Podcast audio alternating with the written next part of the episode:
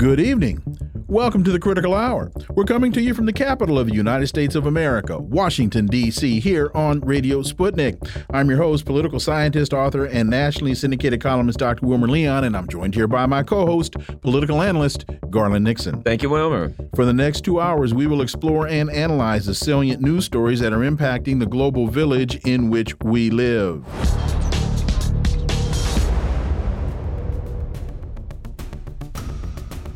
Iraq orders expulsion of Swedish ambassador over Quran controversy. Iraq's prime minister said yesterday that he was expelling the Swedish ambassador after that country's government allowed a protest in Stockholm in which a copy of the Quran was desecrated. Is this provocation for the sake of provocation? Well, for insight, let's turn to our first guest. It's Friday, so we're going to start the show the way we always do. He's an independent journalist, political analyst, and reporter for RT, Caleb Maupin. As always, Caleb, welcome back. Sure, glad to be here as always. So, we have the First Amendment in the United States that protects free speech, but it's important for those who want to support Sweden, Sweden here and in in in wrapping all of this in the United States First Amendment to remember that not all speech is protected.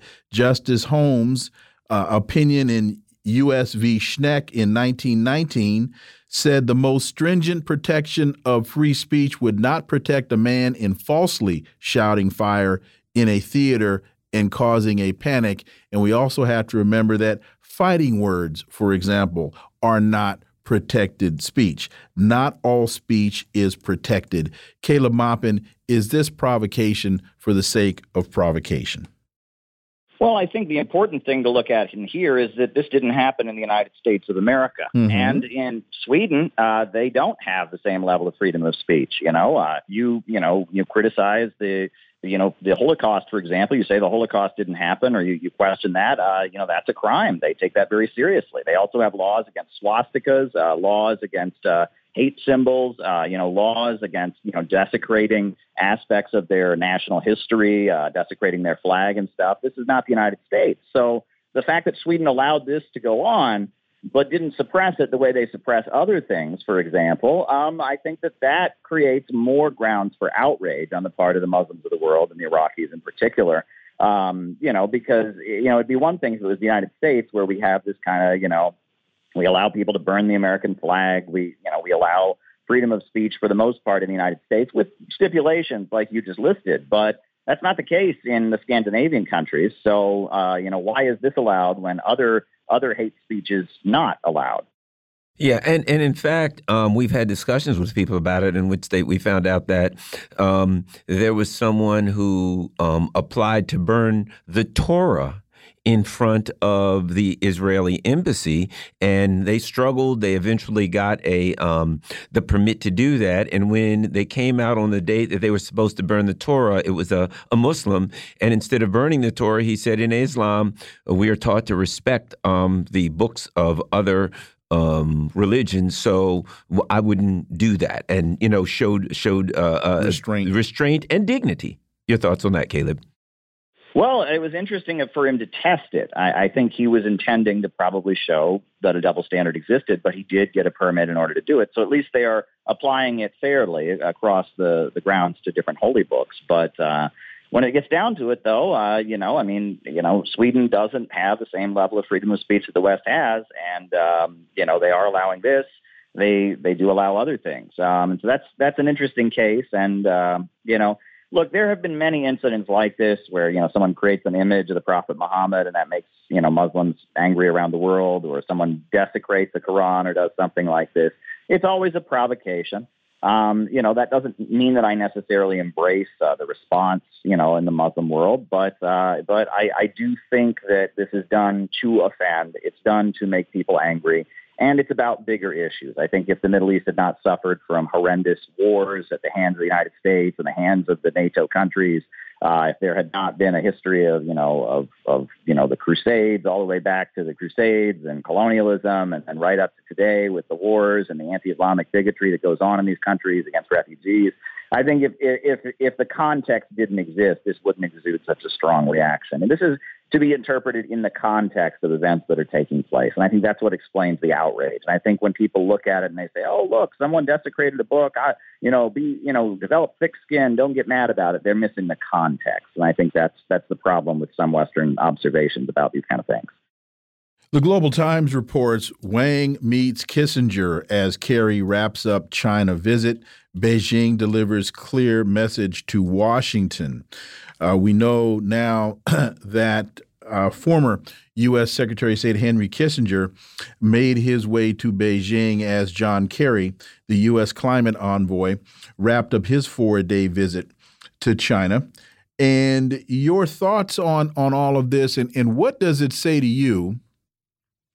When uh, it looks like the United States, and some have attributed this to former President Obama, had to make a call to the bullpen and bring in the old arm off the bench, Henry Kissinger, uh, to try it. It appears anyway to to offset some of the damage that Blinken and Biden have made in terms of relations with China.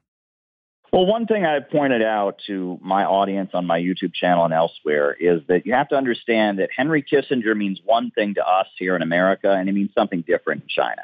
When we Americans, especially those of us who are anti-war activists, progressive, we think of Henry Kissinger. We think of the guy who oversaw the Vietnam War, the genocidal bombing of, of, of Vietnam, the coup in East Timor that, that killed lots of people, the you know the Chilean coup of 1973, the rise of Pinochet. We see him as a U.S. foreign policy strategist, a warmonger. That's the way we see him, and, and we see that. However, in China, Henry Kissinger is known as the guy who got, you know, the ball rolling to eventually allow the United States to, you know, get grant recognition to Beijing and withdraw recognition from Taiwan and eventually set the stage for Jimmy Carter to establish diplomatic relations with the People's Republic of China. Uh, he's the guy that, after China had been isolated, after the Soviet Union cut them off in the early 60s, uh, and they had no foreign investment really other than like Albania and a few other countries that were friendly to them. Henry Kissinger was the guy that, for his own geostrategic reasons, because he wanted to overthrow the Soviet Union, basically, he introduced a strategy that had the backing of David Rockefeller and some of the you know financial backers who had brought him into prominence as a geopolitical analyst and strategist from the beginning. Uh, he put forward the strategy of the USA doing business with China, recognizing China, and that had tremendous results for China. That brought in foreign investment, that allowed their economy to grow, and for them to raise people out of poverty. So China is always going to admire Henry Kissinger and see him as a guy who helps China. And in the Chinese context, Henry Kissinger represents something quite different. And I, have often had to make this point because, you know, there are many historical figures that you could look at and see them from different angles. You know, when I think of Alexander the Great, I think of a city builder, a guy who promoted scientific research. When I talk to my Iranian friends, uh, they think of him as a plunderer of Persia, a mass murderer. There's many people who think of Oliver Cromwell as a great reformer who pushed forward democratic rights in Britain, defeated the aristocracy. But if you talk to anyone from Ireland, uh, they remember him as a brutal colonizer who killed the Irish people uh, in the name of fighting Catholicism. So, you know, big international global figures like this often have multiple sides. They do so many things, but the things they do affect different countries and different nations in different ways. And I think that has to be understood when regarding Henry Kissinger. China sees Henry Kissinger one way, we see him another way as progressives and anti war activists in the United States. You know, Caleb, maybe you could uh, give us some comments on this through the context of uh, the Biden administration's reactions to China, in that, you know, um, the uh, State Department just they came out and said, "Well, you know, we know he's going. We we we know he's doing this." They didn't really connect to it. They tried to pretend as though this has nothing to do with the uh, you know government. This was just some random civilian who decided to go to China and meet with the top people in China and say, "Perhaps we should do better," as though he had no horsepower behind him. I tend to feel that there is a powerful economic block or something behind him saying, "Hey, maybe you can straighten." this mess out. But I don't know. What are your thoughts on the impetus, the powers, the block, whoever it is behind him? Because I just don't buy into the fact that Henry Kissinger woke up one day and said, hey, think I'll go over to China and hang out for a week. Well, in fact, let, let me put it another way, because that was going to be my question as well. Who called this guy? Exactly. And why was he called? Because there's a fire here, and Tony Blinken is the arsonist and Joe Biden doesn't have any water in his fire hose. So who called him? Because the, he was called to clean up a mess. Caleb. Well, look, I, I think that you have to recognize the Biden administration is in a very weird spot when it comes to China because they're trying to please lots of different people. And on the one hand, and they have lots of different agendas pressing them to do different things. It was pretty clear that whole balloon provocation, uh, that was totally contrived by the media. The amount of weather balloons that, that float one way or float another way and don't get any media coverage. Uh, you know, I mean that that just routinely happens. But the fact that they, you know, they turned the balloon thing, you'll remember back in the spring, they turned that into a whole global event about the balloon, and the Biden administration was being embarrassed, and why won't they shoot it down? And and it turned into a whole thing. That was pressure on the Biden administration to be more anti-China. And Republicans are also, you know, as much as they they may some of them at least favor a de-escalation with Russia uh, they want to escalate with China, and the Biden administration is trying to please them.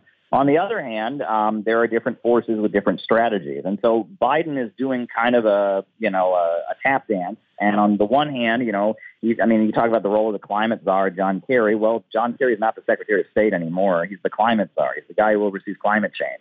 Henry Kissinger, he has an in with China. They are going to honor him and celebrate him for for years to come, and he's not currently in the American government, but he was very deeply involved in you know U.S. geopolitics in the 60s, 70s, and 80s.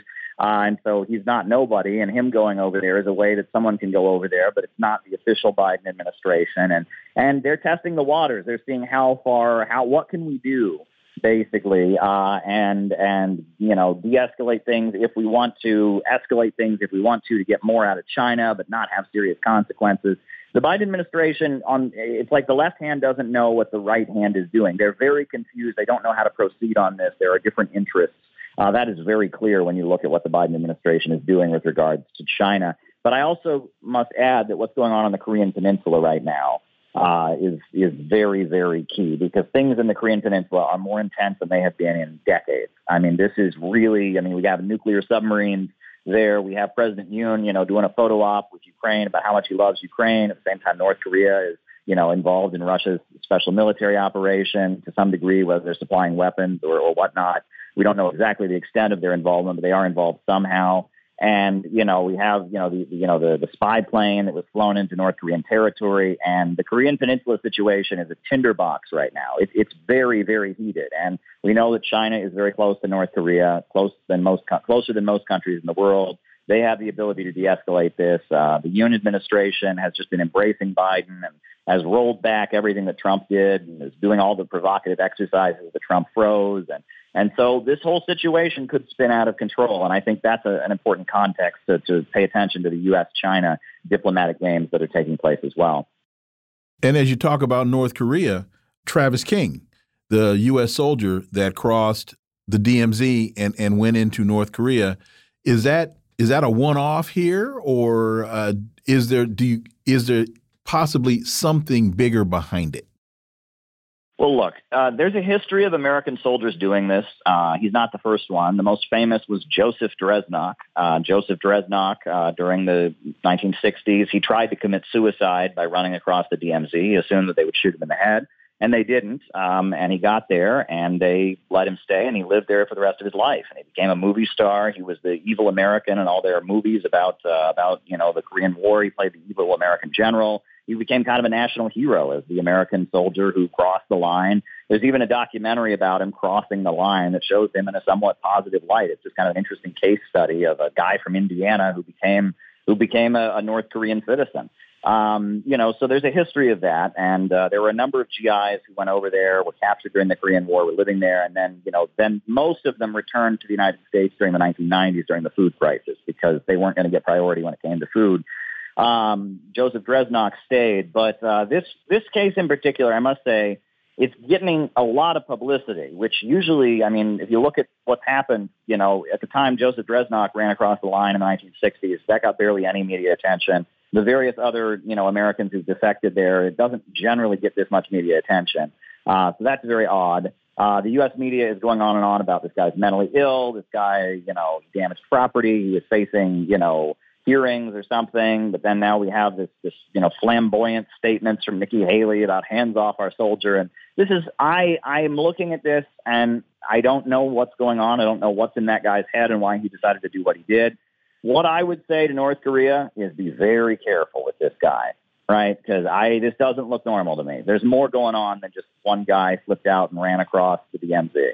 Uh, it looks to me like there's something else. There's something bigger going on here. To, to what extent uh, that is, I don't know. Um, but something's going on here. Uh, that's what it looks like to me. Let me throw out one theory, and this is this is only a theory, and that is the Biden administration is trying to find a way to have conversations with North Korea since North Korea has sent missiles towards Japan into the sea and a U.S. Uh, and the and the the the Pentagon is now saying North Korea has the capability to send an ICBM into the United States, and that this is the way for them to save face and start conversations with North Korea. How about that as an idea? Well, I don't know that that's the case, right? And I oh, I'm not saying that it is. I'm, yeah, no, I'm yeah, not saying that it is yeah, it's very possible that that could be what's going on. I think you you might be right about that. Um, but I don't know. Um, I I really we have no way of knowing. And you know, this is kind of this murky intelligence world. This is where you know we're just kind of we're we're you know we're like the parable of the cave, uh, you know, or uh, the allegory of the cave right. uh, from Plato's Republic. We're just kind of shadow boxing here. We have mm-hmm. no idea, and so we just have to guess. But it is very weird that U.S. media is kind of dumping on the guy and accusing the guy of all these negative things. It's also very weird to see Nikki Haley and others grandstanding about how they better better treat him right and all of it. You know, something's something's very odd here, and uh, that also hints there may be competing agendas within the deep state. Uh, you know, with regards to this, some intelligence agencies may not be happy about one intelligence agency's operation or something, and for all we know, it could simply be a matter of the fact that North Korea and the USA are at loggerheads more intensely than they have been in quite some time and a guy had a psychic, you know, psychological breakdown and did something wild. And so U.S. media said, all right, let's run with it. Let's make this into something, right? This could be a totally random incident for all we know. I, I'm not ruling out that possibility. Correct. But the more I look at it, the more I, I start to wonder if there's something else going on here. And I would urge caution on North Korea's part with this individual. Garland, this is day old sushi. Yep. Pay attention Ew. to it. Well, you wrote a book about Kamala Harris. Speaking of people who are lost in a dark cave, the Wall Street Journal says, Where is Kamala Harris? Slow start to Biden 2024 campaign comes as vice president contends with low approval ratings. They're hiding her if they are smart. Uh, at, at, any rate, Kamala Harris, Caleb Maupin. Well, uh, you know, it's weird because, I mean, if Biden's running for office in 2024, it's really Kamala Harris who we're voting for because the chances of Biden completing another four year term, I mean, with his health deteriorating and I mean, the psychological state he's in, I mean, you know, I mean, it could happen, never rule it out. But I mean, I mean, we look at Joe Biden and we're thinking now, is this really, is this for real? And so we should be hearing a lot from Kamala Harris right now, uh, but we're not. Um, and it's almost like they don't want us to see what we might end up having to vote for in 2024. Um, and what I also find to be odd about you know that whole situation is you know Kamala Harris, you know her staff. There's been so many people quitting. The Biden folks don't like the Kamala Harris staff. You know Kamala Harris staff members quit because they don't want to be known as Kamala Harris people because they have a bad reputation for the kind of things Kamala's staff is constantly demanding other other parts of the executive branch do. You know the kind of favors they're demanding and how Kamala gets them on the phone and makes them play hardball and make ridiculous ridiculous demands of other wings of of the Biden administration. And you know I mean it's just I mean her vice presidency has been a train wreck just from a basic like you know office management kind of perspective. Um, so that said you know she's not doing interviews because she was doing interviews and they didn't go so well uh, I believe the last interview she did was for daytime television, and it was with a 10 year old child. Uh, they had a 10 year old child uh, who aspires to be a journalist interview the vice president. And it was, you know, sweet and adorable, and the audience kind of, you know, oohed and awed and swooned over it. It was just so sweet. Uh, but uh, you know, Kamala Harris, yeah, I mean, I mean, for somebody who could very easily be president, this is this is this is a pretty sad vice presidency. Uh, you know, it's it's it's very bizarre, and you have to wonder. Like, I mean, I mean, this election, we're heading toward it. We got the no label thing now. We got Cornel West. We got RFK testifying before Congress. Uh, we've got Trump indicted, even more charges now. Like, what's going on here? This 2024 election is going to be a circus if there ever was one. quickly, we got 10 seconds. Is she as bad as Dan Quayle? Um, I would say yes, because Dan Ooh. Quayle, you know, as, as you know, as kind of out of it and not being the sharpest tool in the okay. shed as he was, uh, he didn't have a record of being a vicious prosecutor. He didn't have a blatant disregard for the impact on other people's lives, as he, as Kamala Harris has demonstrated when she was California State Attorney General. Caleb Maupin, as always, thank you so much for your time. Greatly appreciate that analysis, and we look forward to having you back.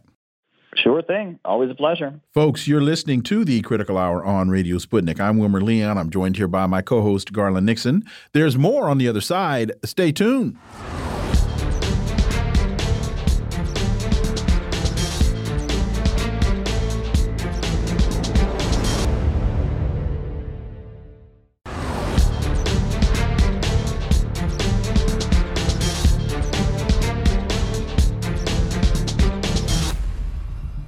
We are back, and you're listening to the Critical Hour on Radio Sputnik. I'm Wilmer Leon, joined here by my co host, Garland Nixon. Thank you, Wilmer. President Biden is traversing the country, extolling the virtues of Bidenomics. He's trying to get credit for the economy by embracing the slogan of Bidenomics to describe his spending plans and the job market.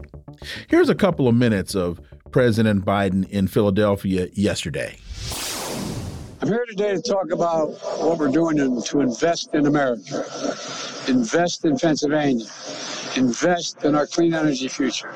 To talk about the progress we made building an economy from the middle out and the bottom up. You know, I came to office determined to strengthen the middle class. I often say, and I mean it sincerely, you know, Wall Street, good folks down there, but they didn't build the middle class. They didn't build America. The middle class was built by the middle class and the unions built the middle class and to change the economic direction of this country.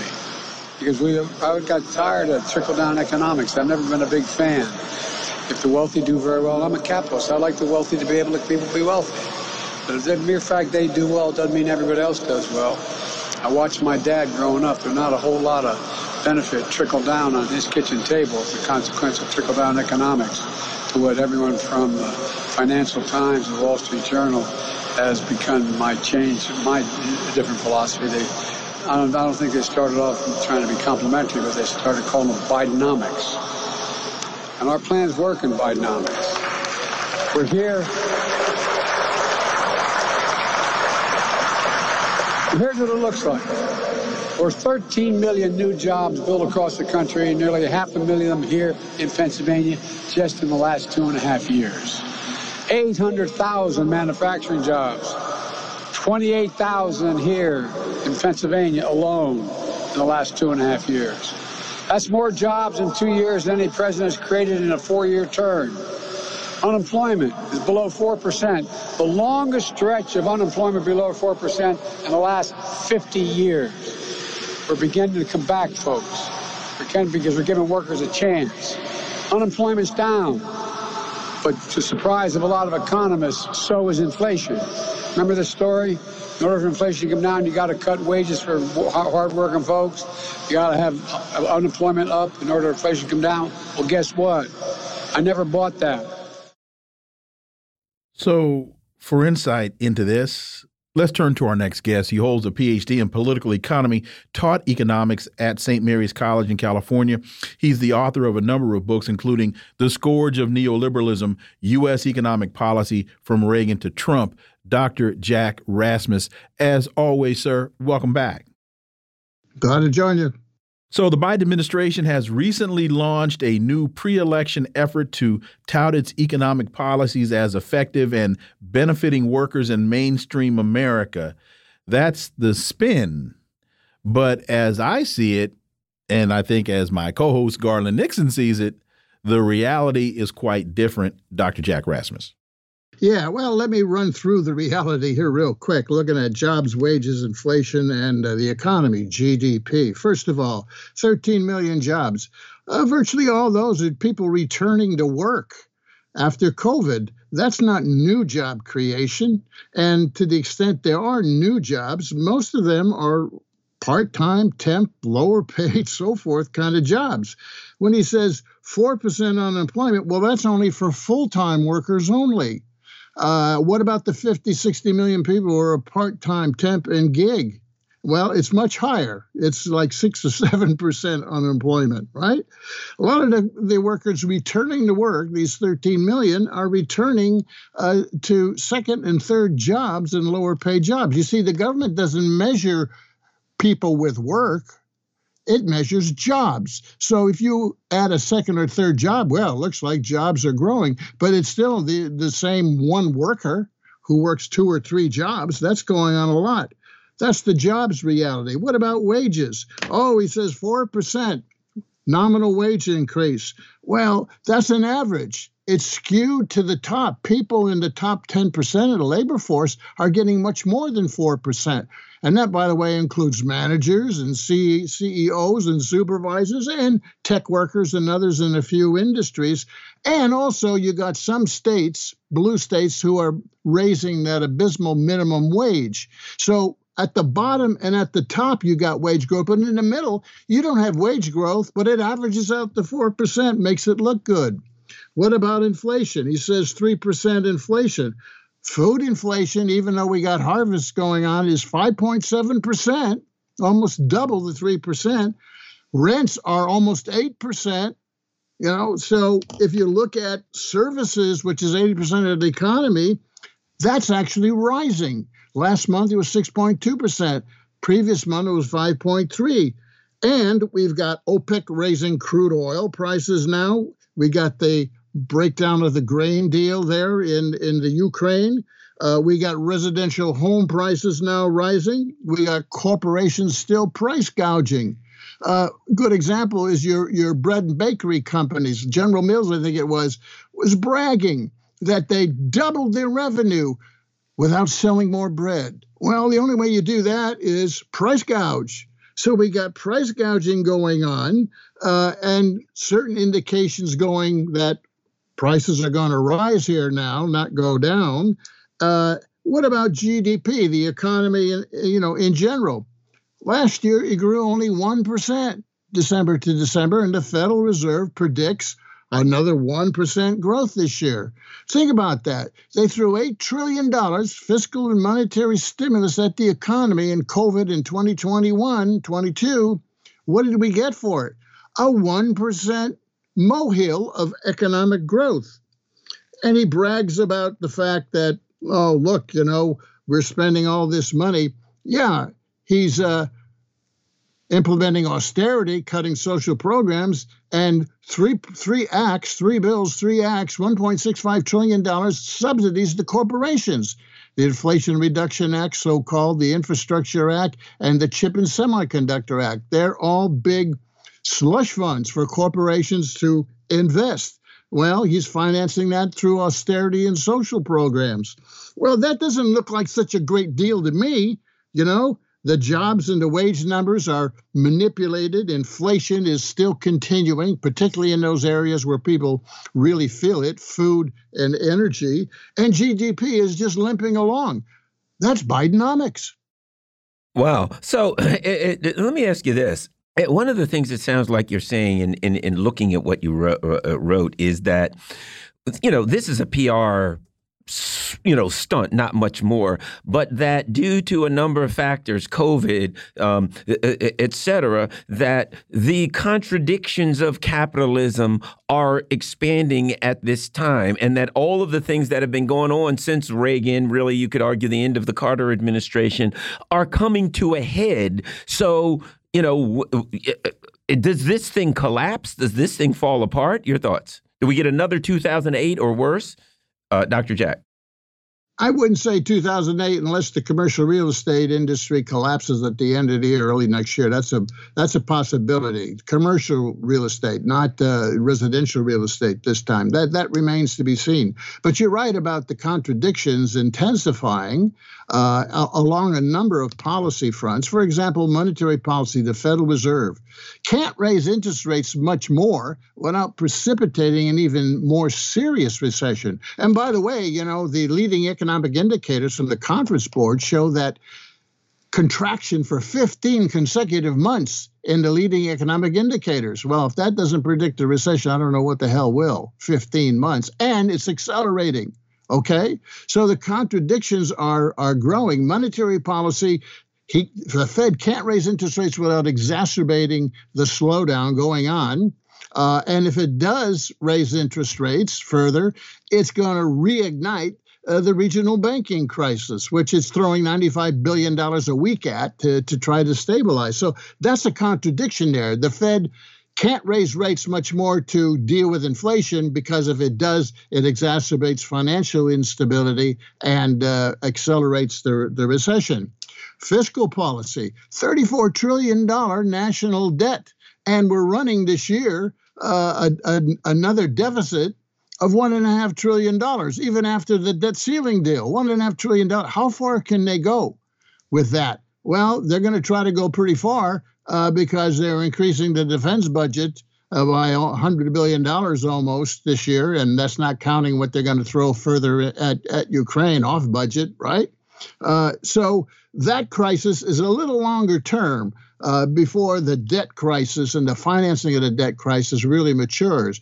The monetary policy crisis is here. Uh, the other external crisis, as we call it, trade and international uh, dollar and so forth, well, that train's left the station and already uh, it's well on its way to replace the dollar. Uh, slowly, slowly. It's not going to happen overnight, but the BRICS and the new countries uh, joining the BRICS are going to have their own currency pretty soon. They're even going to trial it before the end of the year. That means they'll have their own international payment system. So that's a contradiction because that means if trade starts occurring globally in another currency, the demand for the dollars will collapse. And if the, demand for dollars really collapses, uh, that's going to reverberate on the U.S. economy because they won't be able to get foreign financing of the budget uh, by buying treasuries and so forth because they will fall in value. You see, so that's even a longer term contradiction. But that they're all growing and they're maturing and they're growing more slowly than before. Uh, the fourth area of Bidenomics is industrial. In other words, trying to keep the unions and, and wages low. Well, they've been very successful in that, and they were successful as well when they put the kibosh on the railroad workers, threatening uh, anti-strike legislation. They got away with that, right? But now you got what's going on the, the UPS strike coming up. The longshoremen on the West Coast haven't ratified their contract yet. That could blow up. You got SAG AFTRA and the writers striking. So that ferment is growing there, even in industrial policy. Uh, neoliberalism is four policy areas monetary policy, fiscal policy, industrial policy, and international policy. And in three areas, uh, contradictions growing monetary, fiscal, and international. They've been able to keep the lid on the unions and industrial policy, but we'll see what this, this next uh, confrontation coming up, whether they can continue that. But Bidenomics is really neoliberal economics, which is trickle down. you know, it, it's a, a, continuation of what we have going since 1979, but it's not working as well. The crises are developing deeper and deeper. But with the economy, these things don't happen overnight. They are slow rolling, uh, uh, deepening uh, instability, and that's occurring. And I predict before the end of this decade, uh, these these neoliberal policies uh, are are going to enter a, a, major crisis period, and we'll see what happens. Joe Biden said during the speech, "I'm a capitalist." He said, "But I believe that." He said, "I don't have a problem with the wealthy making money, but I do have a problem with their not paying their fair share." But I haven't heard Joe Biden champion rolling back the Trump tax cuts. And you also mentioned a little earlier that in his latest spending or budget plans, they're cutting social programs. So, to your point, that's neoliberalism.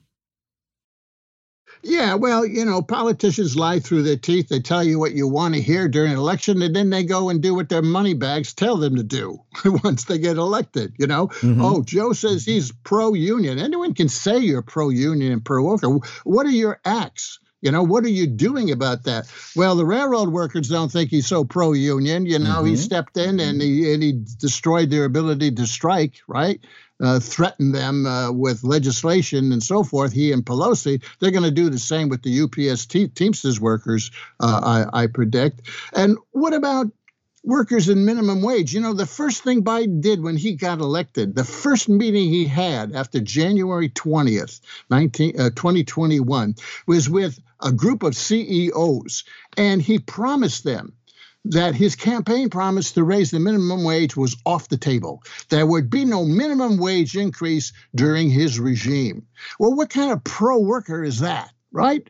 Uh, and going after the unions, uh, you know, Taft Hartley, whatever the he's going to use to to keep the lid on the unions. Uh, I mean, this this guy's not pro union. He talks the talk, and then he walks in a different direction. You know, one of the things that he said, which made little sense, if any sense, he said, the middle class built the middle class. Well, that's interesting. They built the middle class before they even existed, when in fact, I think he's uh, upset this, uh, to tell the truth. And that is, to me, the unions built the middle class, and the socialists and the communists were kind of created the unions. Am I off in arguing that the unions created the middle class? Well, Joe has a problem with his syntax. You know, he can't get words straight sometime. You know, it's the, the middle class built the middle class. Well, that's a dumb tautology. You know, that doesn't tell you anything. You know, uh, who built the middle class? Well, the unions built the middle class. You wouldn't have a, any uh, weekends off, and you wouldn't have any uh, minimum wage or overtime pay, or uh, you you wouldn't have uh, uh, pensions or anything w- without the unions. But you know, it's been 40 years of destroying the unions. Now the unions are trying to come back. You know, I call this the great detour. You know, people don't realize in the early 70s, the major unions, Teamsters, construction trades, auto workers, and so forth, listen to this big strike wave, biggest strike wave in the history of the country, 70 71, 1970 71. You know how much wage and benefit increase they got? The unions won all those strikes. They got 25% wage increase in the first year of a three year contract. Imagine that.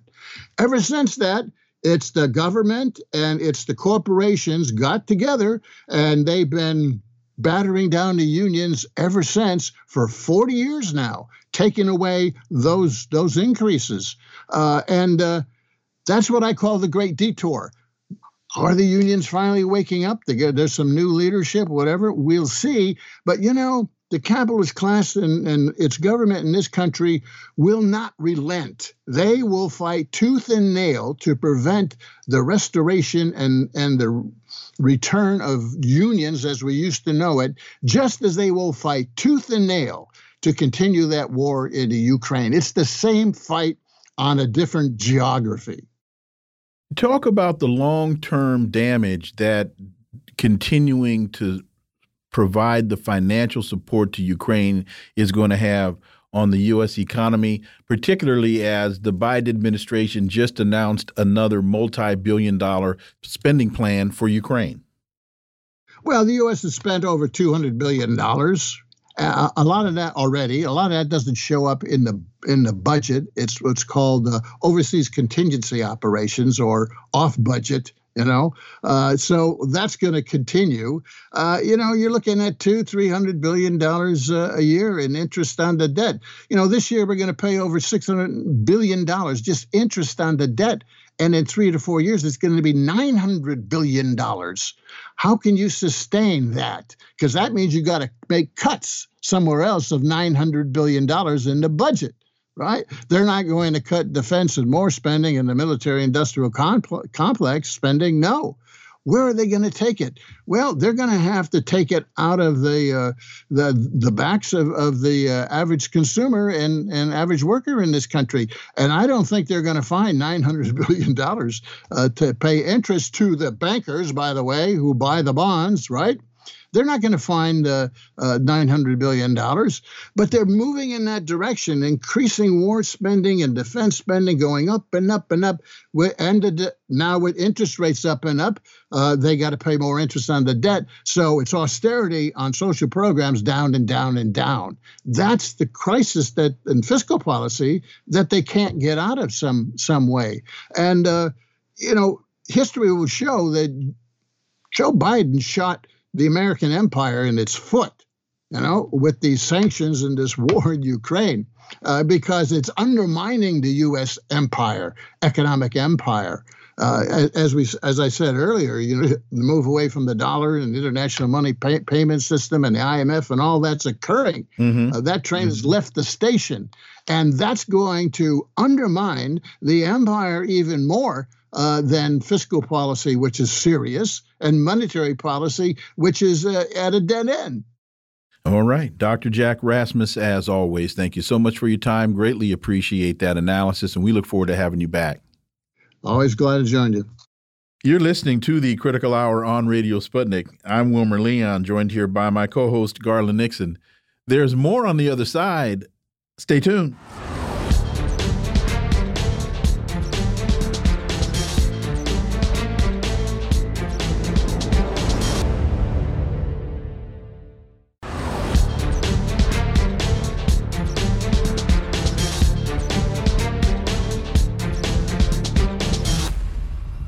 We are back, and you're listening to the Critical Hour on Radio Sputnik. I'm Wilmer Leon, joined here by my co host, Garland Nixon.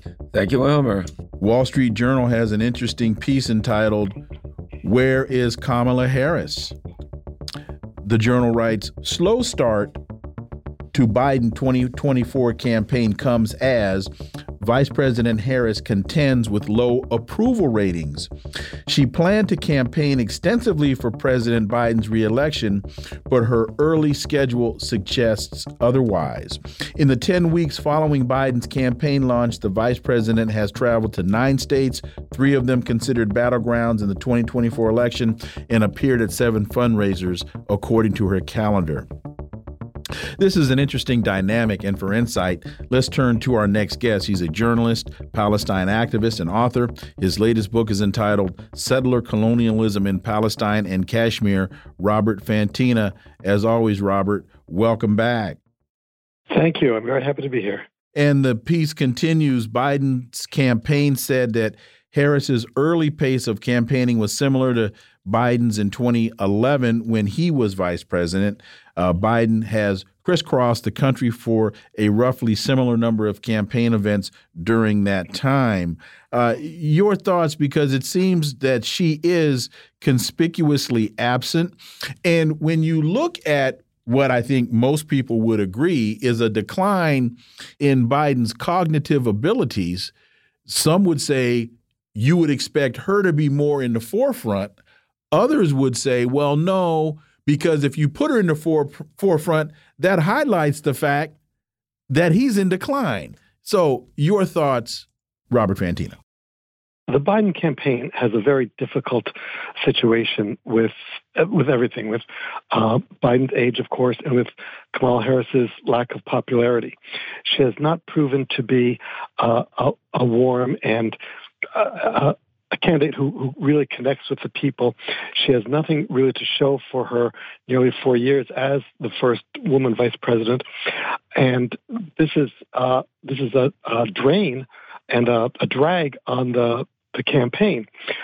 People need to see the vice president when there is such an elderly man running for election reelection as president, as you mentioned, they need to be able to see that she's up to the task, that she is someone that they would want to see as president, that if she were running for president in her own right, she would get their, their vote. This is not happening because she's not popular. Biden doesn't want to drop her from the the ticket because that shows disloyalty. It shows indicates he made a mistake the first time around kinds of things that can be used by the opposition to to criticize him. Now, Kamala Harris could drop off the ticket, say she decided she wants to spend more time with family or whatever they usually say, but that's not going to happen either. So it's a very difficult situation. Uh, Biden at nearly 80 is slowing down. There's there can be, as you mentioned, uh, not much discussion about that, but people aren't seeing that his repl- potential replacement is capable of the job. You know, uh, I think to some extent when I look at Kamala Harris, she is the personification of neoliberalism. And that they say, hey, look, let's go out and bring in a person of color. She's a woman. She fits all of the, she checks all the boxes, etc. But when you listen to her, she talks, she always talks like she's talking to three year olds the big country attacked the little country boys and girls. And then she gagged, ah, and we're like, what are you laughing at? There's nothing funny. So it's neoliberalism. You bring in a person who's going to do what they're told, who checks off the boxes, but they are frighteningly incompetent. Your thoughts? Yes, and, and she is she's way out of her league in, in as being vice president, as being the potential president. She doesn't she hasn't indicated that she, has a, that she has a grasp of major issues that are important to the United States. She hasn't, um, she hasn't indicated that she understands foreign policy, the, the, needs of foreign policy, and what the United States uh, people see as the needs of foreign policy. She hasn't taken any major stand, any major project and run with it. So, yes, she does check the boxes. She's uh, African American. She has, uh, I think, Asian ancestry also. Uh, she was a, a U.S. Senator, so that's supposed to show experience. But she has not risen to the occasion of be, as being vice president. And this is going to be very difficult because for a reelection campaign, the president needs his vice president to be active and engaged and engaging the people of the country, engaging the potential voters. And that is not Kamala Harris. I'll have to push back, Robert, a bit when you said that she hasn't demonstrated uh, that she has command of the subject matter because she did clearly explain the big country invaded the little country. And when you say that she that that uh, she hasn't taken any substantive positions she very clearly told the immigrants not to come just so, don't come. Just don't come. Yeah. So so yeah. okay, but we won't debate that. Yeah. We'll just we'll say no. We'll just agree to disagree. Just, just say no. she did her Nancy Reagan uh, impression. Uh, the big country. The Democrats slam Pramila Jayapal for quote unacceptable end quote comment that Israel is a racist state a group of prominent Democrats has slammed the chair of the Congressional Progressive Caucus after she called the state of Israel racist during a public appearance over the weekend. Uh, so, so Robert, what's the problem when you tell the truth and others in your party come after you for telling the truth? Why do we have a problem here, Robert Fantina? That's a major problem. Uh, but let's look at why they were mad at her. Uh, Jeffries, who's the speaker, his uh, his most recent campaign, the top donor was AIPAC, the American Israel Political Affairs Committee, two hundred thirteen thousand dollars. Uh, another one who who wrote this letter objecting to uh, uh, Jayapal's comments, uh, Katherine Clark, uh, AIPAC was her second largest donor, $45,000. Uh, Pete Aguilar, his second largest donor, AIPAC, $108,000. Ted Lieu, 37000 his largest, his second largest donor. Josh Gottheimer, AIPAC top donor, was his top donor, 216000 The list goes on. These, the people who have objected most strongly are the people who benefit most from the Israeli lobby. The fact that Israel is a racist state is can't be denied. The uh, Amnesty International has said it's an apartheid state. That's the same thing. Uh, human rights uh, has uh, uh, Human Rights Watch has said the same thing. B'Tselem has said the same thing. That's and that's a human rights organization based in Israel.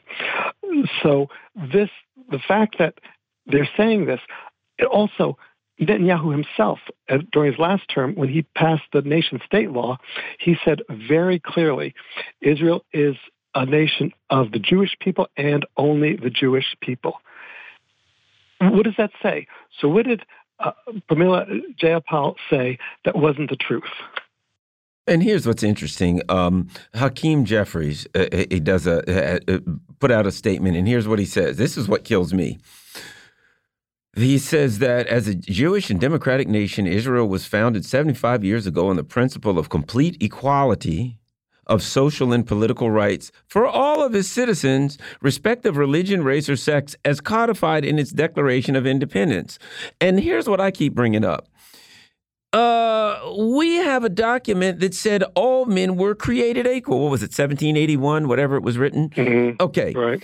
If Hakeem Jeffries was around there, he'd been picking cotton. So for him to say, because they wrote, hey, we know that everything's fair in Israel. You know why? Because they put it on a piece of paper. I wish we had a time, uh, a some kind of a time machine where we could send him back to 1781, and he could read the Declaration of Independence to Tom and Je- Thomas Jefferson, who would have then struck him with a whip and sent him back to the fields to work on the tobacco.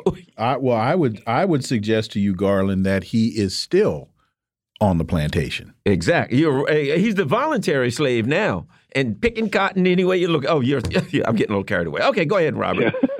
He's But tap dancing true. now. He's the he's the entertainment. Robert. But to, to to say that the because their Declaration of Independence, which of course their independence on someone else's country, uh, ensures equality. Well, let's look at uh, the more recent things, the nation state law, which says exactly the opposite. It's a it's a nation state for the Jewish people and Jewish people. It doesn't say doesn't say that the other twenty percent that the 20% of the population of Israel that is not Jewish has the same rights, the same status, because they simply don't. So this is what this is what racism is: putting one one race, uh, one group above another, simply based on race, and that's what Israel does.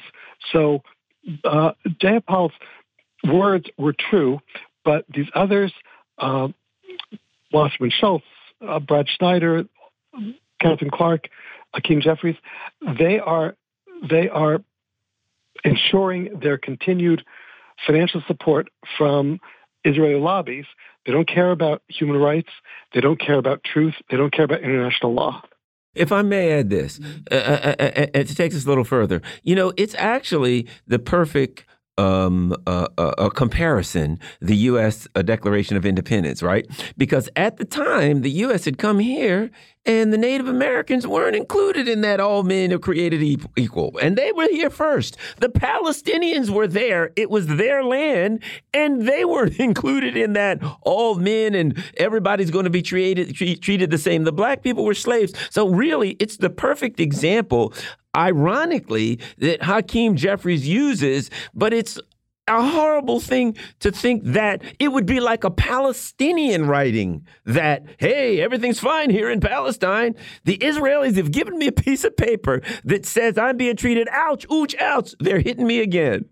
Settler colonialism is settler colonialism. Yeah, it is. And and the, another parallel between the two is when Israel declared their independence or whatever they call it, uh, they said that yes, everyone will have equal rights because they don't consider Arabs to be Be people. people. Yep. It's the, the, the same way when the U.S. wrote the Declaration, all men are created equal. Well, people of color aren't aren't people, so they don't count.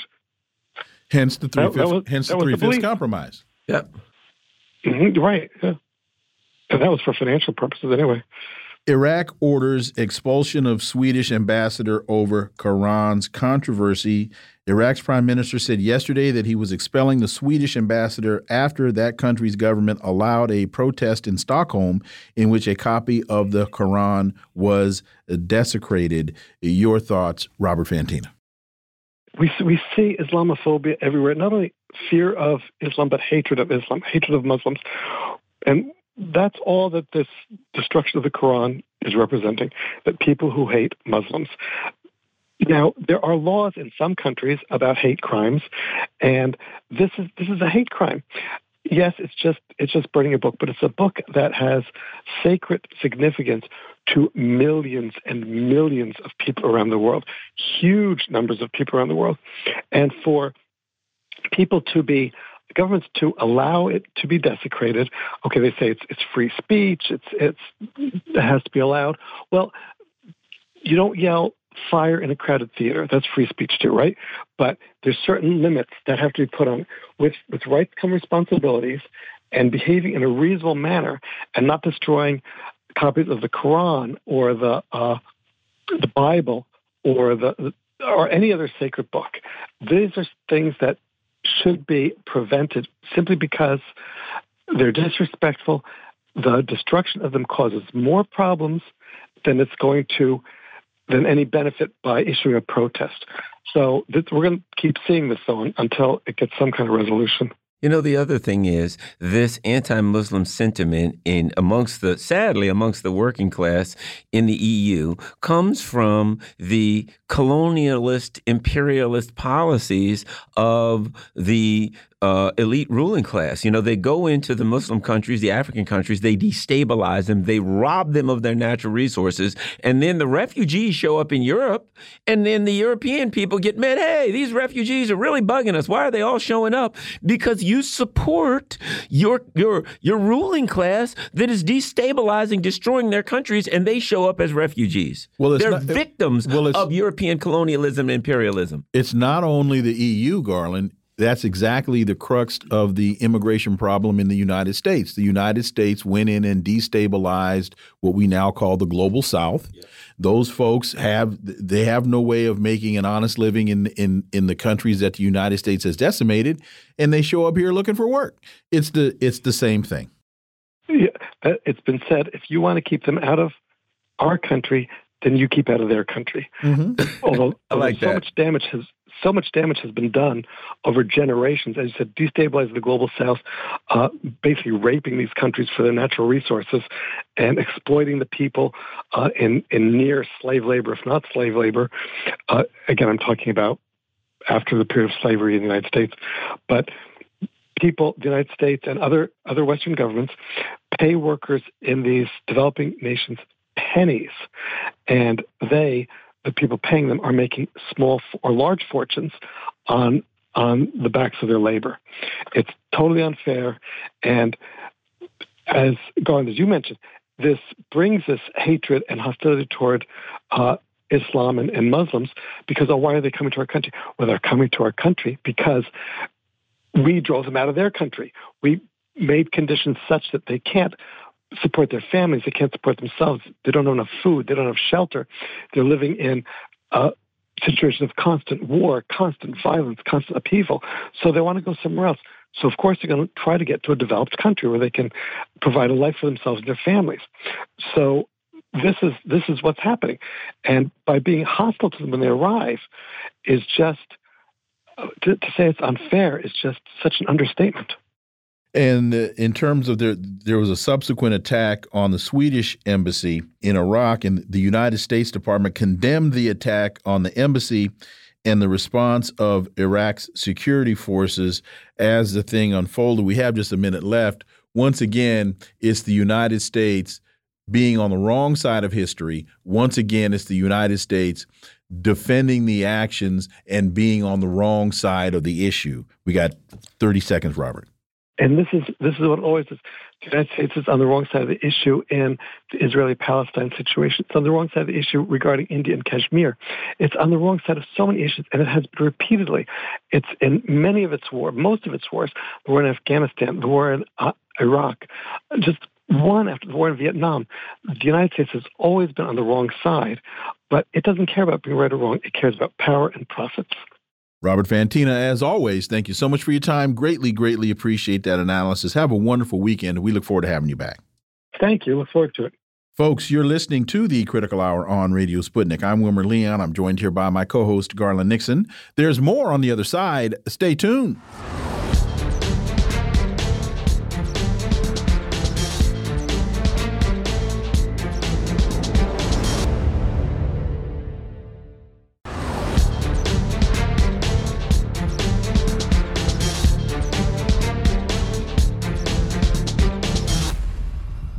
We are back, and you're listening to the Critical Hour on Radio Sputnik. I'm Wilmer Leon, joined here by my co host, Garland Nixon. Thank you, Wilmer. According to Black Agenda Report, Black Alliance for Peace once again calls on international community to reject U.S., UN, CARICOM plan for an armed intervention of Haiti. The Black Alliance for Peace is alarmed that representatives of the Caribbean community, CARICOM, are at the forefront of the call for armed intervention in Haiti, calling for Rwanda and Kenya to help lead the charge. Once again, the Black Alliance for Peace calls on the international community to reject U.S., UN, and CARICOM plans for armed intervention in Haiti. What are we to make of this? Well, it's Friday, so that means it's panel time. For insight, let's turn to our first panel. We're joined by the uh, co chair of the Georgia Green Party, Kweku Lamumba. As always, welcome back. As always, I'm glad to be here. Thanks again for the invitation. We're also joined by the chair of the coordinating committee of the Black Alliance for Peace and editor and contributing columnist for the Black Agenda Report and the Green Party candidate for vice president of the United States in 2016, Ajamu Baraka. As always, welcome back. Thank you. Thank you. Glad to be here. So, uh, Ajamu, let's start with you. Based upon the statement released by the uh, Black Alliance for Peace, CARICOM has caved into pressure from the Biden administration and now supports the U.S. UN plan to violently attack Haiti under the racist guise of humanitarian intervention. And it really seems as though uh, they've been able once again to put blackface on imperialist foolishness. Ajamu Baraka.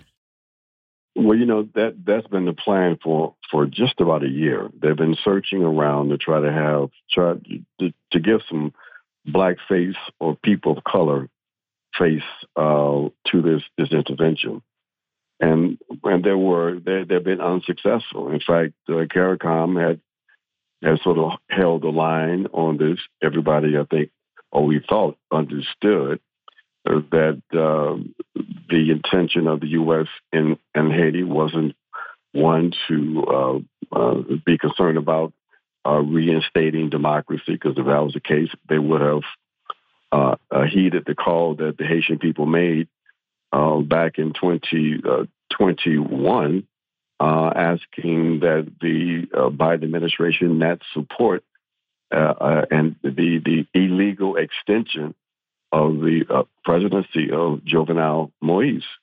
Uh, but of course, the Biden administration ignored that, and that uh, helped to intensify the contradictions and the resistance from the Haitian people to the point that it became quite clear that uh, the Haitian people, left to, the, to that, their own devices, would in fact uh, bring into into play a government that just might not be too friendly to the U.S. So to hand that off, uh, and especially after the assassination of, of Jovenel Moise, um, they the U.S. along with their partners in the core, core group, uh, members of the of the United Nations, uh, uh Canada, and others, um, decided that they were going to they needed an excuse to basically intervene militarily in order to prop up the illegal government of now uh, Ariel um, Henry. Um, and but they couldn't find an appropriate partner, even though they had they had some states that were more than willing to volunteer. States like the Bahamas, uh, Jamaica, but they didn't have the capacity. So they have now finally convinced the CARICOM uh, to provide a, a black legitimacy to this intervention, and have gone all the way back, all the way back all the way over to the African continent to to bring in uh, Rwanda and possibly Kenya to serve as the military force for this intervention. This is a, a strange and, and, really troubling development of what I call uh, a new kind of, of neoliberal Pan Africanism, but it's something that I think we're going we're to see more of. But it's really, really a um, very troubling development, especially if um, if they are allowed to intervene and if that intervene, intervention is successful in the sense of uh, gaining full control over the people in the island of Haiti. And I'm glad, Kweku, that that uh, Ajamu brought up the last point about going all the way all the way to the continent, because they, it, there's another piece in Black Agenda Report. Uh, Kagame and other stooges do U.S. bidding, and there's a photograph of uh, UK Prime Minister Sunak meeting with Paul Kagame. I mean, they've really gone deep, deep, deep, deep in the mix, um, going very many miles to find some stooges to? I mean, what is Rwanda's interest in Haiti? What, what particularly as it relates to fostering, promoting, or backing U.S. interest here? I mean, they've gone way far afield on this one. You know, I, I really really appreciate Ajamu's statement of neoliberal Pan Africanism. Mm-hmm. I'll, I'll, borrow that from you if you allow me to, um, because I think that phrase or that term really captured this perfectly, especially in relation to what would the interest be of a Paul Kagame all the way in Rwanda be in a country like Haiti off the coast of Cuba and, and the United States. Well, if you look at it from that perspective, neoliberal politics, and from a Pan Africanist lens, and you look at what the African Union was supposed to be, um, and how it was formed, and how the United States played a significant role in replacing or removing uh, Muammar Gaddafi from his power position in the African Union. You see, Paul Kagame is their selection for a replacement to a, a power position in the African Union and being able to use Africa as it moves forward towards its unification efforts to then control the rest of the diaspora. And Paul is a, a great puppet in that way. You know, he considers himself to be independent and be able to push back against his masters, but um, he's, a, he's a clear partner with them in their interests, and it and it behooves him if he wants to exercise power in Rwanda over the rest of at least the region of uh, Eastern Africa militarily to be of service in regard to Ayiti because Ayiti has critical military minerals um, that will benefit his controlling uh, interests in Africa um, if he plays his role. And so um, and Kenya, of course, uh, plays a part in that because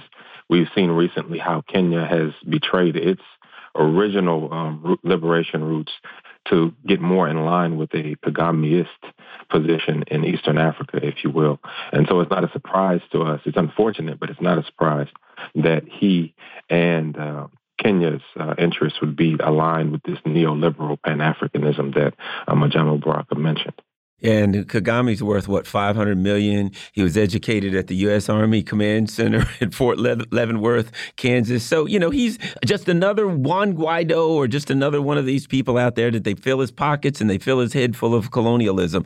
Let me ask you this, Ajamu. What, what, you know, if you could comment on this, the the the U.S. says makes this argument to CARICOM. Look, you know, there's violence there. There's people with weapons running all around the street, heavy weapons firing at people. It's terrible. But they don't make any fully automatic weapons in Haiti. They don't make them, they don't craft them, there's no store that they can buy them. They just seem to somehow find their way from Miami to Haiti. So they load Haiti with weapons and then they say, hey, we got to go to Haiti. Why? They got weapons. Ajamu. Well, also, you have to, I think, add in the fact that the violence, I think, in Jamaica is worse than the violence in Haiti. So if you if your interest is really quote unquote gangs and if your interest and your concern is violence then why don't you start with the worst country and work your way back instead of just seemingly to arbitrarily you got to ship more you got to ship more weapons to Jamaica Right. There you go. That'll right. give them right. more right. weapons. Then you'll have a reason to invade Jamaica. I'm sorry. Go ahead. Go ahead, Ajamu. You know, you know, but it, it is it is pretty ridiculous, and it's it's. I mean, it's a they use this this racist uh, playbook, and we've seen it over and over again in other parts of the world, and even in the Caribbean. Um, you know, I think some of us have been around long enough to remember the the attempts to uh, undermine the Michael Manley government in Jamaica mm-hmm. um, with the importation of all kinds of weapons and and the violence that was taking place among the various political and non-political groups uh, in that in that country. But the, the the other piece of this, and you all both touched on it, uh, the the notion that these criminals in the U.S. and in, in Western Europe would be concerned about violence that was uh, negatively impacting African people in, in Haiti. Where is the evidence that these folks ever cared about black life? There's none. So, you know, the, the automatic re- response from black people, from African people should be when you when this kind of situation is brought to them, is to understand that there is a, a motive that's not being articulated. And that motive is connected to the ongoing attempts uh, by the uh, collective West, uh, desperate attempts, if you will, to maintain their, their global hegemony, to maintain their dominance in every one of the regions on this planet. And so their intervention into Haiti is part of that objective because you, you, you can't isolate what's happening in Haiti from the rest of the Caribbean and the rest of so-called Latin America.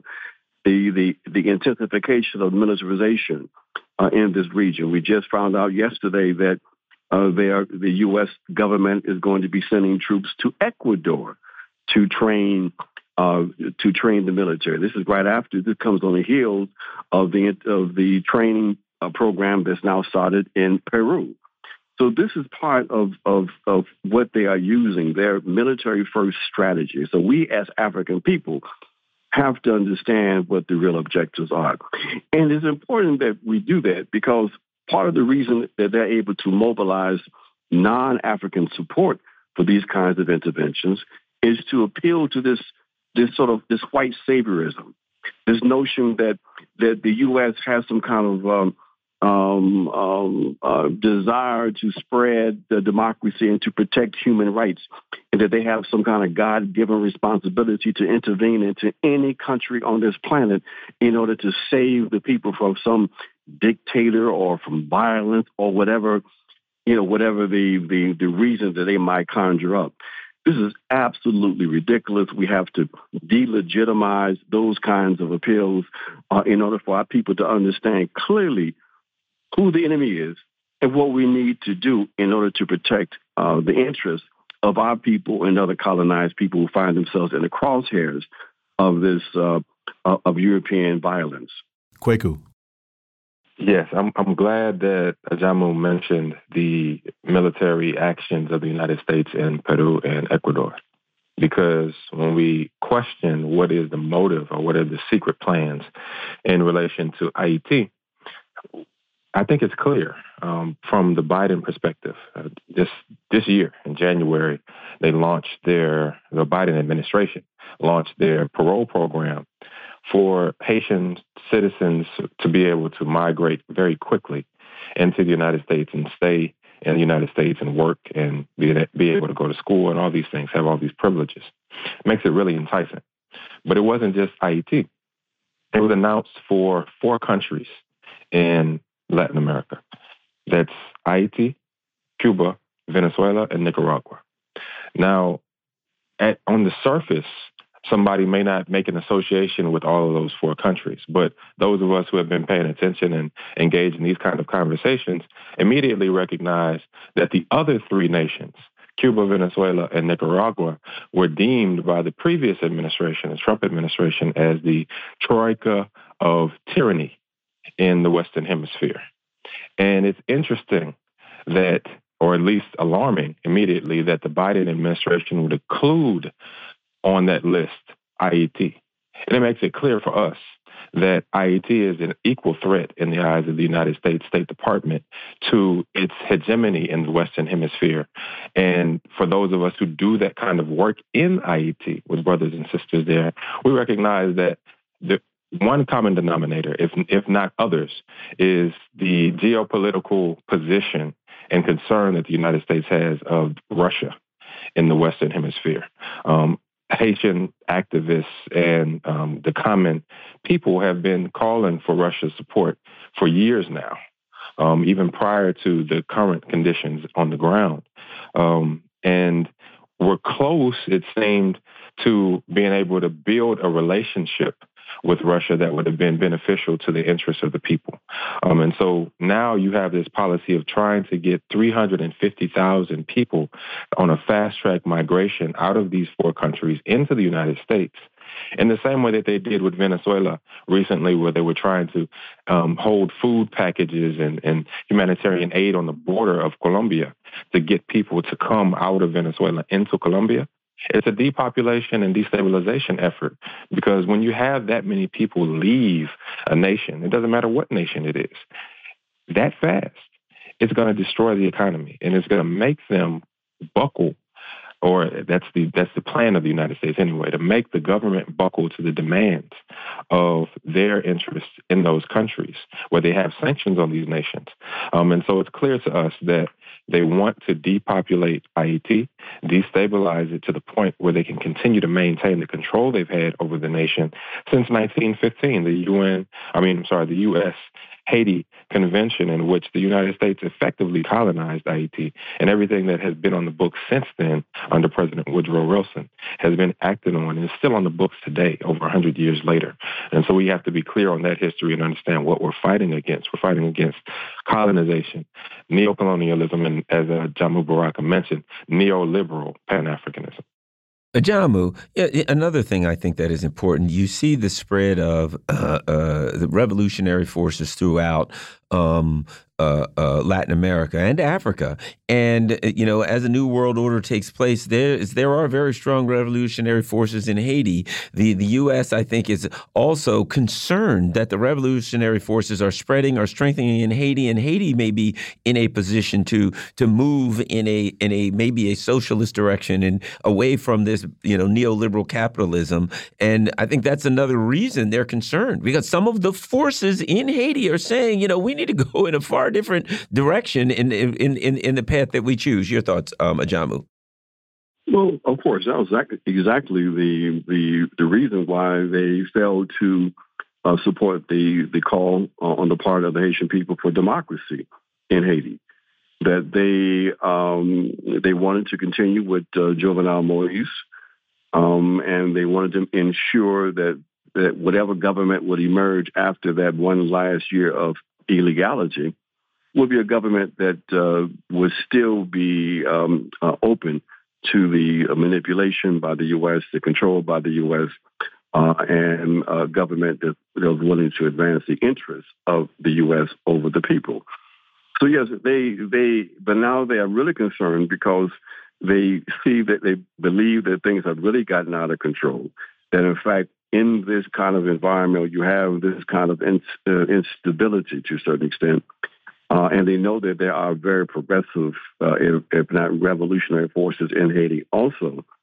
Uh, they're very much concerned about the possibility of a, a radicalized Haitian people, which is happening, uh, but a organized, radicalized Haitian people being able to address the internal uh, issues they have within their own country and develop a, a system and emerge with a government and a state uh, that will be uh, one that will be reflective of the interests of the Haitian people, um, and one that, if they if that occurs, would then automatically be opposed to the interests of the U.S. So yes, that is a real concern, and that's why they want to intervene. We all know again issues of democracy and human rights.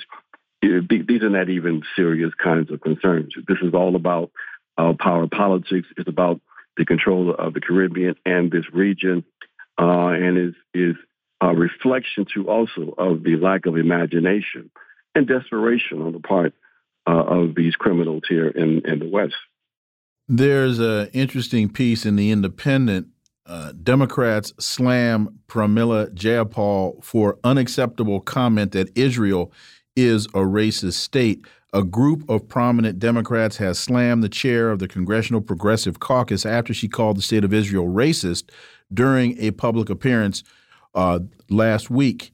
Uh, let's Kweku Lamumba, your thoughts, not so much about Jayapal's statement because she's right, but the fact that these so-called Democrats, prominent Democrats, attacked her and then she folded so quickly. Kweku? It, it, it reminds me of what happened with Reverend Warnock in Georgia when he was running for his um, office initially. There was a lot of criticism by the Democratic Party and by his uh, some, some supporters of his position on Israel. It's it's a and he folded because he signed a, a he penned a letter saying, well, he's unequivocally supports Israel and, you know, he's not opposed to Israel's sovereignty and all these, you know, other things that they have to declare in order to get support for their position in most cases. And it's it's common. It's across the board. It's not a surprise. Um, people don't know that you know a lot of these people once they get in office or before they can get in office sign these um, agreements um, to be able to support Israel and their agenda so that they can stay in office and get the money that they need. And if they don't, like Cynthia McKinney once again in Georgia, then they position people to oppose you and they put all the money behind them so that now you become defamed, defaced, and removed from office, um, blacklisted, if you will. And so um, the, that's the pressure that these politicians face to support Israel or die. Um, and it's it's ironic because while Israel can lead divestment campaigns against U.S. politicians, they put they position politicians not to be able to lead divestment campaigns against Israel. Um, and so th- there's a question of what's unconstitutional and what's uh, constitutional in all of this, and the infringement on people's freedom of speech and assembly and association and things in that manner. And so it's it's something that we have to continue to bring light to and to question um, when we deal with people, especially around election time, so that people know who they're voting for and what these people actually support. And uh, Jamu, so they also got uh, Hakeem Jeffries to come out and and uh, Israel is not a racist state. And he went on to talk about the Israeli Constitution, and he, he which he obviously has never read, uh, because anybody that understands the the Constitution of the Zionist colony understands that it is a quote unquote Jewish state. That is their language, not mine. So Congressman Jeffries obviously doesn't understand. And once again, another face on American hegemony. Well, yeah, it's not that he doesn't understand, but these are uh, individuals who are complete, completely unprincipled. They understand that the, the Jewish nationality laws are, are laws that, that basically have, in fact, made Israel an apartheid state. They understand that. But they will just um, lie directly to the public, primar- primarily the public in the U.S., uh, to try to uphold. I mean, it's such a strange kind of phenomenon that they will defend um, Israel in these high sounding moral kinds of, of arguments um, when there is no basis, no justification, uh, no uh, high moral framework that can justify this kind of support for a, a state, uh, for a, a nation that has engaged in the systematic uh, brutality of a people uh, for more than 60 years. Uh, so, you know, the, the current controversy is really a controversy that that's been created as a consequence of them recognizing that they are, in fact, losing the uh, public relations, um, uh, uh not just argument, but war. That that uh, most many more and more people, particularly here, we're talking about the West, because most people outside the West understand the character and the nature of the of the Jewish state, uh, but they're losing this public relations war in the U.S. And so this is their attempt, their desperate attempt to try to provide some basis for continued support for this uh, apartheid, and I would add fascist regime uh, in, in Israel. And it's really incredible that you have these kind of Negro politicians buck dancing for uh, the Israeli state uh, with no integrity, no dignity at all. And for these people to be the new quote unquote black leaders is just a reflection of how far to the right uh, black politics has gone uh, and how unprincipled uh, this this so-called leadership uh, uh, really is. Kweku, additionally, you know, from Malcolm X to, you know, our dear brother Omali Yeshitela, uh, you know, many of our great minds have talked about the comparisons of the colonial powers and how they treat black people outside of the U.S. empire and inside of the U.S. empire. And I think this is the perfect example. Outside in Africa, you got Paul Kagame. He's loaded with money. You get him, you, you put him in power, and he's willing to do whatever you want. And inside the empire, you got Hakeem Jeffries, who's doing the same same thing to mislead the black people, or if not mislead them, just plain old stab them in the back. I think it's the perfect example of how the how black people inside the U.S. empire are colonized and treated in the same manner as those outside. Your thoughts, Kweku? I think that's a great comparison. I'm glad that you're comparing two politicians, two Africans, one outside of the United States and one within the colonies of the United States. Um, how both of them are, you know, colonized in different ways and treated in different ways, but are used by the colonizer in the same way. Um, you know, Hakeem gets certain benefits. I guess that he doesn't get all that money, but he gets certain benefits um, you know, even in relation to Ayiti, being able to go down and be this face internationally um, in in the face of CARICOM and persuade them to change their decisions and, and things like that. You know, he feels like he's getting power and access to maybe one day I don't know what his, his, aspirations are, but maybe he plans on running for president and being the next Barack Obama one day. Um, I don't know but he's clearly got his personal aspirations that they're feeding into. And to him, at least, it seems like that's worth the hundreds of millions of dollars that Kagame is interested in and receiving from them. And so they get their bread buttered um, one way or the other. We just have to be the ones to be clear that we're going to, you know, push all of that off the table and you know, overturn the table and move forward in a revolutionary way and reject that sort of misleadership. Kweku Lamumba, Ajamu Baraka. Gentlemen, thank you both so much for your time. Really appreciate that analysis. Enjoy your weekends, and we look forward to having you guys back. Thank you. Thank you very much. Folks, you're listening to the Critical Hour on Radio Sputnik. I'm Wilmer Leon. I'm joined here by my co host, Garland Nixon. There's more on the other side. Stay tuned.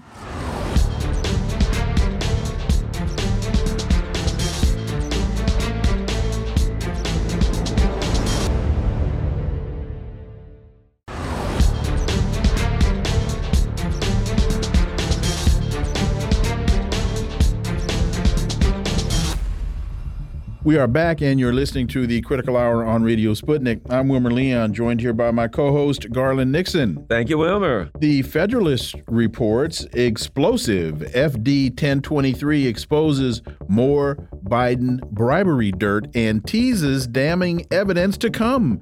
Senator Chuck Grassley, the Republican from Iowa, just released a minimally redacted copy of the FBI's FD 1023 detailing a confidential human sources reporting of a criminal scheme involving then Vice President Biden and the Ukrainian business Burisma. What are we to make of this? Well, for insight, let's turn to our next guests. It's time for our second panel. We're joined by the national organizer for Action for Assange, Steve Poikonen. As always, Steve, welcome back. Great to be here, gentlemen. Thank you. We're also joined by an independent journalist whose work can be found at Substack and thepolemicist.net, Dr. Jim Kavanagh. As always, Jim, welcome back. Great to be here. So, according to the FD 1023 summary, Burisma's owner specifically referenced the firing of Prosecutor General Viktor Shokin, the same man Biden bragged about Ukraine firing after his threat to withhold aid from the country while he was vice president. Uh, Dr. Jim Kavanagh, this is just more evidence of how bad this uh, this whole thing stinks, and I think it also lends credibility to uh, President Obama's statement: uh, "Never underestimate the ability of Joe to f stuff up."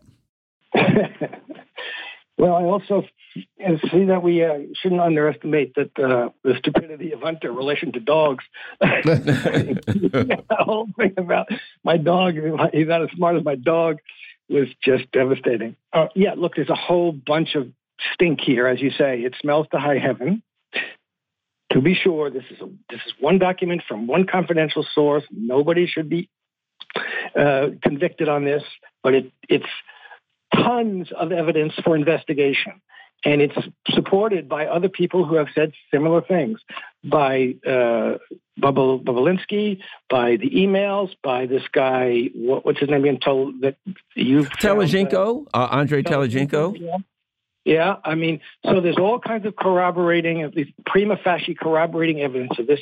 It has to be investigated, and it's devastating. Look, it stinks they and they cover it up when they find when they found the slightest whiff of fictional nonsense about Trump or his family. It was all over the news every day, all day.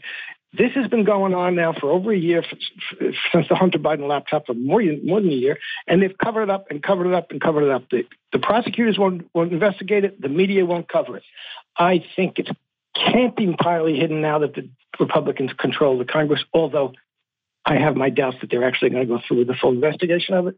But I think it's going to add to the stink around Joe Biden that's going to make him get out of the race before the November of 2024. Steve Poikonen. This stinks on ice. It, it does. It's bad. I, you, this is uh, a. I mean, and yes, Jim's correct. It's you know, it's one source, it's one document. It's you know. However, I was listening to uh, audio that had appeared to be authenticated. That was a phone call with Joe Biden who was talking about, you know, effectively admitting to coercion and, and what amounts to extortion to get rid of the prosecutor Shokin. It was a conversation that Poroshenko released.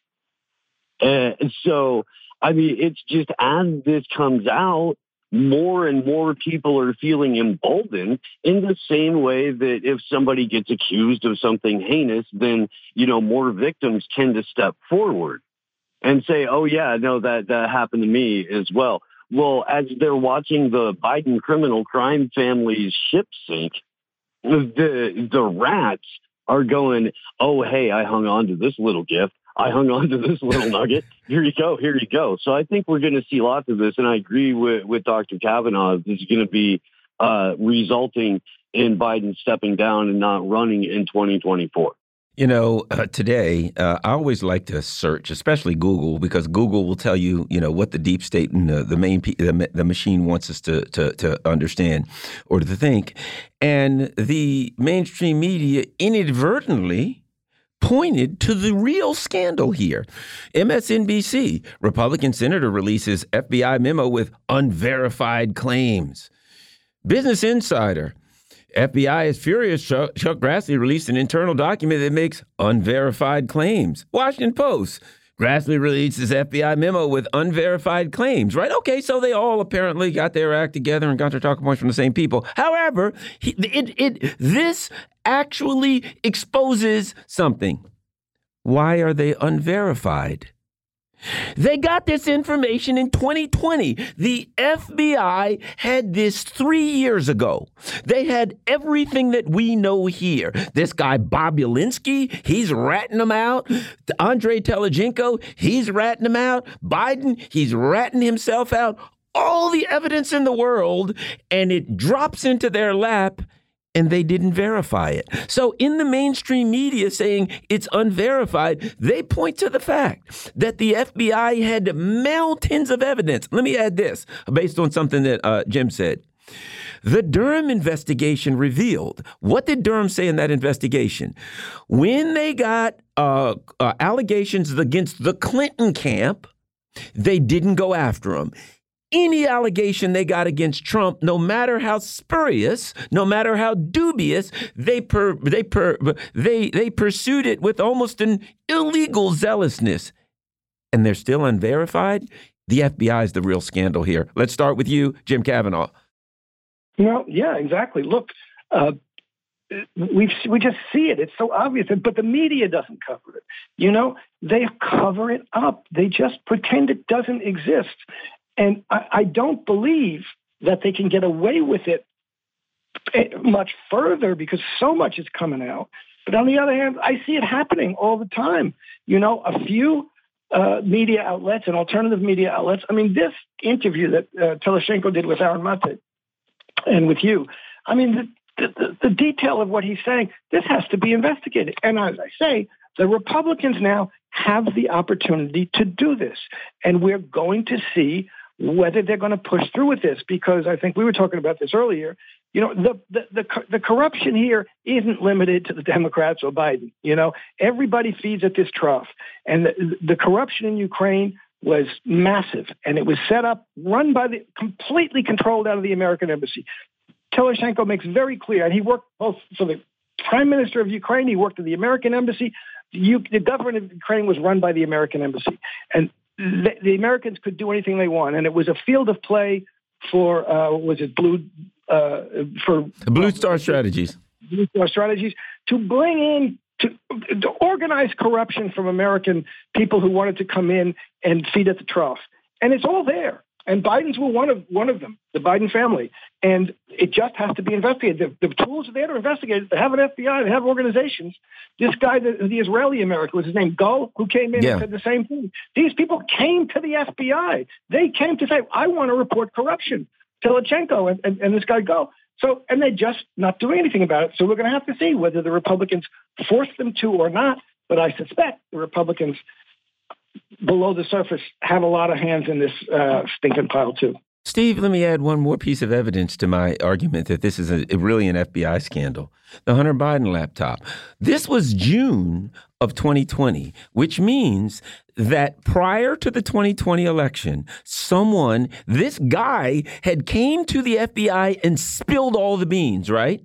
Now, they had the Hunter Biden laptop. They had the emails to align with what he said, and they could look at the emails and say, oh boy, everything the guy says is true. So they had Hunter Biden's laptop so they could see the, the uh, about the dirt he was doing. They had this guy come to them and say, hey man, I'm an informant and a witness. Oh, by the way, we have audio tapes of Joe Biden coercing us. Everything in the world. So 2020, the FBI has the laptop, they have the information from this guy, they know Biden is dirty. What do they do?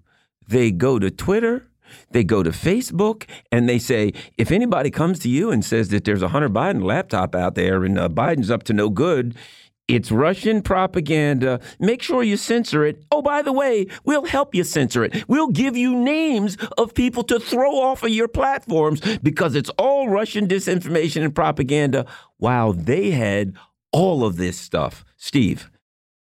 It's amazing that that the story isn't, oh, by the way, for years now, the FBI has been sitting on this laptop along with Seth Rich's laptop along with whatever else uh, as far as information goes that would be wholly beneficial for the public to know, wholly beneficial for a number of different victims' families, would probably be uh, in the financial interest of a whole bunch of people. And yet, the FBI has made it perfectly clear that it is their mission to protect whatever political class is holding the most power at the moment or whatever political party is currently in favor at the moment.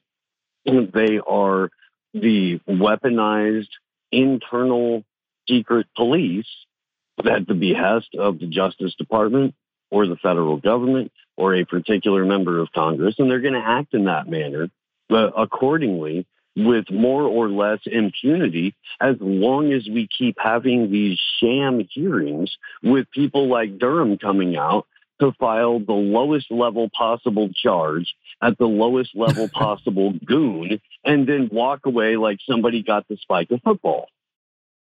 There's another interesting and related story House weaponization hearing bickering Barbs and RFK Jr.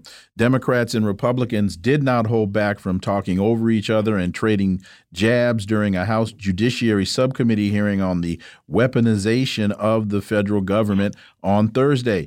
The hearing featured testimony from Democratic presidential candidate Robert F. Kennedy Jr., but the tension along the dais took center stage. Chaired by Jim Jordan, Republican from Ohio, the committee sparred over everything from the rules and processes of such a hearing to its underlying purpose. Dr. Jim Kavanagh, uh, again, the weaponization of the federal government, that seems to be an apt description of the FBI.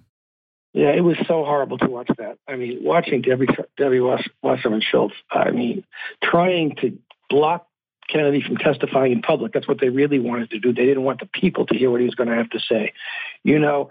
And just the, the, the tsunami from the Democrats of contempt for the First Amendment and free speech. The presumption is that the government should be able to uh, censor and control information and malinformation and misinformation and whatever word you want to use to say things that we don't want to hear.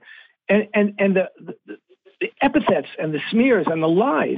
You know, the idea that they made it sound as if you know Kennedy's reference to a scientific article in a scientific journal which found you know that this pathogen uh, that, that, first of all is a reference to the idea that bioweapons research is done to look for pathogens that will differentially affect different ethnic cohorts, which is true, and then referencing a, a scientific article in a scientific journal that found that COVID 19 differentially affects different ethnic cohorts, which that scientific those scientists found. There's nothing anti-Semitic about that, or anti-white, or anti-black, or anti-Chinese. There's no, and they, Schultz and these other people made it sound as if the very idea that you would think a, a, a pathogen might affect different ethnic groups differently is racist and anti-Semitic and, and whatever, you know? I mean, everybody can get sickle cell anemia, but guess what? It affects well, some groups more than others. And you have to know that about, uh, about pathogens. And it's a good thing to research that, and you're going to find answers. So they were trying to make this into some conspiracy theory that Robert Kennedy invented because he's anti-Semitic. And of course, uh, the maybe the worst thing for me was hearing Kennedy again defend himself against that charge of anti-Semitism by boasting about how ferociously Zionist he is. Nobody asked him whether he liked Israel or not. Nobody asked him to, to give an opinion on Zionism. They accused him of being, being anti-Semitic, and whether he's Zionist or not does not have anything to do with whether he's anti-Semitic. So it was too bad to hear him again uh, double down on his ferocious and unconditional, in his words, Zionism. But the, the, the, the, overwhelming display, as I say, of, from the Democrats of contempt for free speech, of contempt for the First Amendment, of attachment to the idea that the default position is that the government should be able to control speech. Steve. It's governance by spite. And, and it's, I mean, we should be mocking it. At all times, there should be like a midget with a tuba who just walks behind every single one of these politicians with the boom, boom, like the whole time. They they should know no peace. But I the the Jim's right. The contempt that the Democrats have, not just for the First Amendment, not just for the people that were invited to the hearing, but in general for the process for the the people that are across uh, the dais from them and the Republicans too. None of these people have any respect for each other, and yet they all fall in line every time you need to give uh, a coke fiend in Ukraine another billion dollars. They all fall in line every time you need to squeeze a peasant for a little bit more. So they know their job.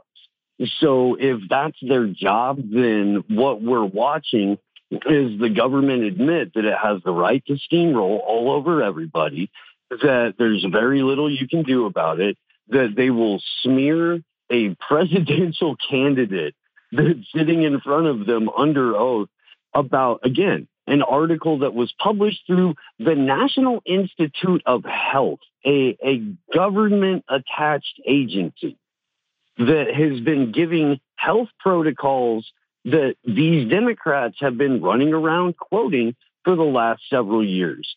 So they know it's theater. Everybody that has to sit in that room knows that they're doing theater, whether they're a part of it or not. And that's what's got to be really frustrating. Uh, but the whole thing is just, I mean, it's a it's a mockery of what's supposed to be uh, what the transparent hearing about government interference and FBI interference with social media companies during an election. That's what we accuse other countries of doing all the time. Former Clinton strategist James Carville warns voters not to fall for the Green Party candidacy of Cornel West. He says Jill Stein, who is his campaign manager, is almost certainly an agent of the Russian government. If you don't believe me, somebody at home Google photo General Flynn, Vladimir Putin, Jill Stein. She was hosted by the Russians prior to her running in 2016. So, hey, we know she's a Russian agent because we can find a picture of her in Russia. And General Flynn and Vladimir Putin were in the area, which there's no possible way that anybody could ever be in the room with someone else from Russia without being a Russian agent. This is brilliant. Now we know the direction things are going. It's nice to know that things are getting cleared up about Cornel West. Let's start with you, Jim. Yeah, Cornel West is a menace, a menace to the constitutional order of the United States. Jill Stein is a Russian agent, almost certainly. Just look at the picture. I mean, this guy's a rat. I mean, he looks like a rat. he sounds like a rat. I mean, it's it's it's been great to watch him unfold and unravel himself uh, with Bernie and with these guys now. You know, he's but he is the uh, the consummate Democratic Party strategist, part of the Democratic Party machine, completely embedded in it, in the leadership of it, and he makes policy. And this is what we're looking at. We're looking at someone who's, you know, it, it, all he can do is insult and treat the voters and treat the other candidates as if they have no right. They, they, how dare they threaten the election of Joe Biden? How dare they put themselves in the way of the coronation of the recoronation of the present king? I mean, to do that is to be a menace to the constitutional order of the United States. It's nonsense. It's baloney. I mean, they're revealing themselves for what they are. They're the ones who really have no, absolutely no uh, attachment to the constitutional order of the United States. Matter, even though I have problems with that, this is that they're the ones who have essentially the Sam Harris attitude, which is anything Joe Biden does is fine, and, anybody who tries to get in the way of it, we got to smash. You know, Steve, since we know that's not true, I'm sure that Facebook is going to censor James Carville for misinformation. And then if I were to share this particular article, that Facebook would put something under it that says it needs context because it's not true. Nice to know they got us covered with misinformation and they will surely blow. Oh, wait a minute. Steve, your thoughts on James Carville pointing us again to the Russian agents. Do you guys, do you guys remember? Do you guys have a grandma that would do this, or she would get these like folk art pieces? They would take apples and they would let them dry out. They would carve a face into them. Yes. And it would be, you know what I'm talking about? Yes. Okay. So James Carville looks like that, but it was a turtle. That's what he looks like right now, one of those little Apple characters. And to hear the little Apple character sit there and tell you that everyone who doesn't agree with Joe Biden is a Russian agent, like we're the Democratic Party strategy now is to just be the memes that have made fun of them for the last 10 years. They're like, we're just going to step all the way in. and, and we're going to be a veritable laughing stock because they have the elections sewn up in every state where they have a Secretary of State. According to Robert F. Kennedy Jr., he's not going to sign the loyalty pledge, which means he's not going to have DNC access to ballots to be on the ballot as a Democrat, which means he's going to have to go through the signature process and blah, blah, blah. And he can be blocked at every turn, just like Cornel West can as a Green Party candidate. The DNC has sued a number of different states to keep Green Party candidates off of the ballot. So they can be as inept as James Carville sounds because they're going into it with a lot of confidence because they've been, you know, openly rigging the elections in front of everyone's eyes for decades now. You know, Jim, we we scoff at James Carville and how ridiculous this statement is, but I, I think it speaks volumes taking us back to the Clinton campaign and Russiagate because Carville seems to be operating from the old playbook that all we have to do is assert that Jill Stein is a Russian agent and the damage is done.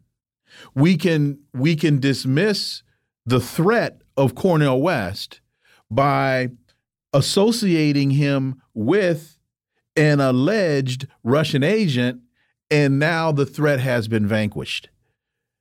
We're not going to get caught up in the in the in the validity of the position of their positions. We're not going to get caught up in the details of their platform, and we're not going to have to analyze the validity of the challenges that they're making to the system because she's a Russian agent.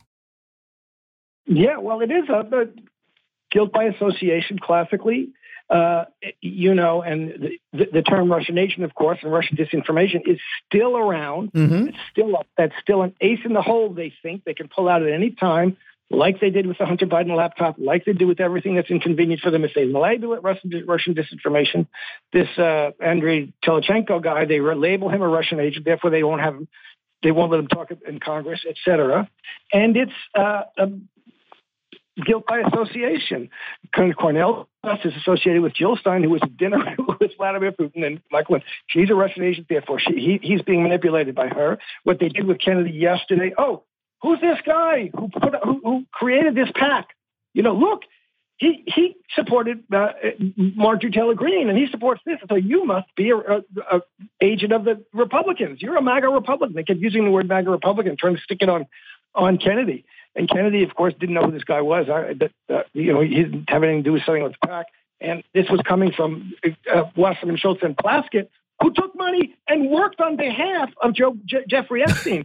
We're going to go talking about who's uh, guilt by association. It's just nonsense. It's just a way of smearing people and of preventing people from thinking and talking about the real issues.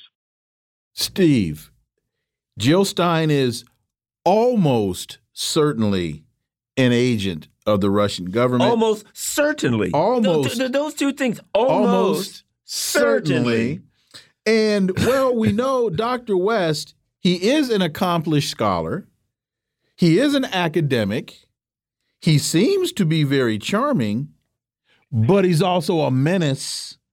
The threat of the continued constitutional order in the United States again, that takes me back to the Clinton campaign. We know the relationship between Carville and the Clintons. So this makes me wonder, you know, we've always thought, or many of us have thought, that Hillary Clinton was the one behind Russiagate, the whole idea. But maybe it was actually a creation of James Carville, because we know he's almost certainly out of his mind.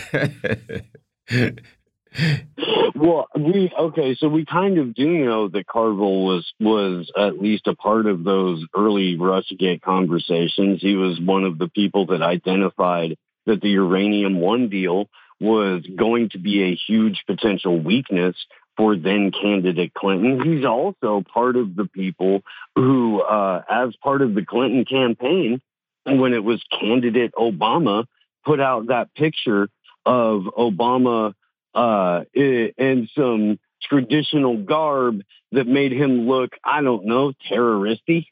I think is that a yeah, a word now? that.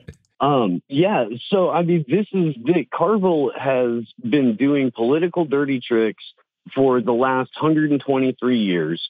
He he's he's good at doing it for a mainstream audience that has read about two thirds of 50% of the headlines for the last decade. You know what I mean? I don't know how well that's going to translate into votes, but but again, the fact that they keep having to go to this, you know, decrepit apple turtle fossil thing, it just shows how weak of a bench the Democratic Party has, not just in terms of candidates, but in terms of talking heads and, you know, little little spin monkeys that they can send out there to lie to people. And let, let, me add one more thing, if I could, Garland, because uh, Jim, we also know that Ralph Nader was directly responsible for the election of George W. Bush, which brought this horrific Iraq war, this horrific economic downturn we had, among other things. And uh, so Jill Stein, who is Cornel's campaign manager, is almost certainly an agent of the Russian government. So now, it, the the the fact that uh, Al Gore law didn't even win his own home state when he ran for president, and the fact that the Democrats folded early on the Florida vote count. That has absolutely nothing to do with it. It's all Ralph Nader's fault. Uh, uh not to mention, has nothing to do with the fact that Clinton got rid of Glass Steagall. That didn't cause that, that the economic has, downturn. That has nothing to do no. with it. and you guys remember, took Nader took eighty five percent of Tennessee that year, right? Oh yeah, that's right. and and so what this also plays into is that narrative that Cornel West is a spoiler and that he's going to take votes from Joe Biden. And if Joe Biden has a problem with that, Joe, maybe you need to get a better message.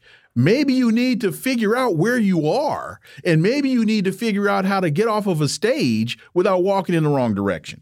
Jim. Yeah, well, you know, Cornel West and Jill Stein and Ralph Nader, are, you know, they're going to have a new group called Menace to Society, uh, and uh, it, it's just crazy. Look, the presumption is that these votes belong to us, and that the only people who, the people who voted for Jill Stein or Ralph Nader or Cornel West would have voted for us if they hadn't stole their votes from them somehow. I, you know, if they don't know that the reason people aren't voting for the Democrats is because the policies of the Democrats have done nothing for them but screwed them over more, more. Okay, if they didn't read the New York Times uh, coverage of the black voters in in, in Milwaukee after the 2016 election about why we're not, we're not going to vote for, we didn't want to vote for Hillary Clinton. And if they don't know that the people who are going to, fewer than 27, 29 percent of, of the of the uh, electorate is either Democratic or Republicans, and most are independents, and that many, many, probably, if not most, of the people who will end up voting for Cornel West or Jill Stein would not have voted at all, or RFK Jr. for that matter. Democrats who would not at this point have voted at all because most Democrats don't want Joe Biden to be president again. So, but the presumption is you're stealing our votes. And so you're not stealing it. You got to earn votes. You know, every I'm day. an independent voter. I'm an independent voter. And you you can't presume that I would have voted for. Don't presume because I'm not gonna. You know, I mean, they really think that they're talking to people who they know would have voted for, for, for the Democrat if this person wouldn't come in. They have to start realizing you have to win over voters. That's exactly. your job. Exactly. Not, not tell them they made a mistake. They, they, they were a traitor to you by voting for someone else. Uh, you know, Wilmer, next they're going to say the Republicans shouldn't run a candidate because that candidate's stealing Joe, Joe Biden. They want a totalitarian state with only one party. Steve Poikonen and, and Dr. Jim Kavanagh, gentlemen, thank you both so much for your time. Greatly appreciate that analysis. Enjoy your weekends, and we look forward to having you guys back. Thank you. Thanks so much, gentlemen. Folks, you've been listening to the Critical Hour here on Radio Sputnik. Thank you for allowing our voices into your space. On behalf of myself and my co host, Garland Nixon, we hope you were informed and enlightened, and we look forward to talking with you all right here next week on Radio Sputnik. Be safe. Peace and blessings. We're out.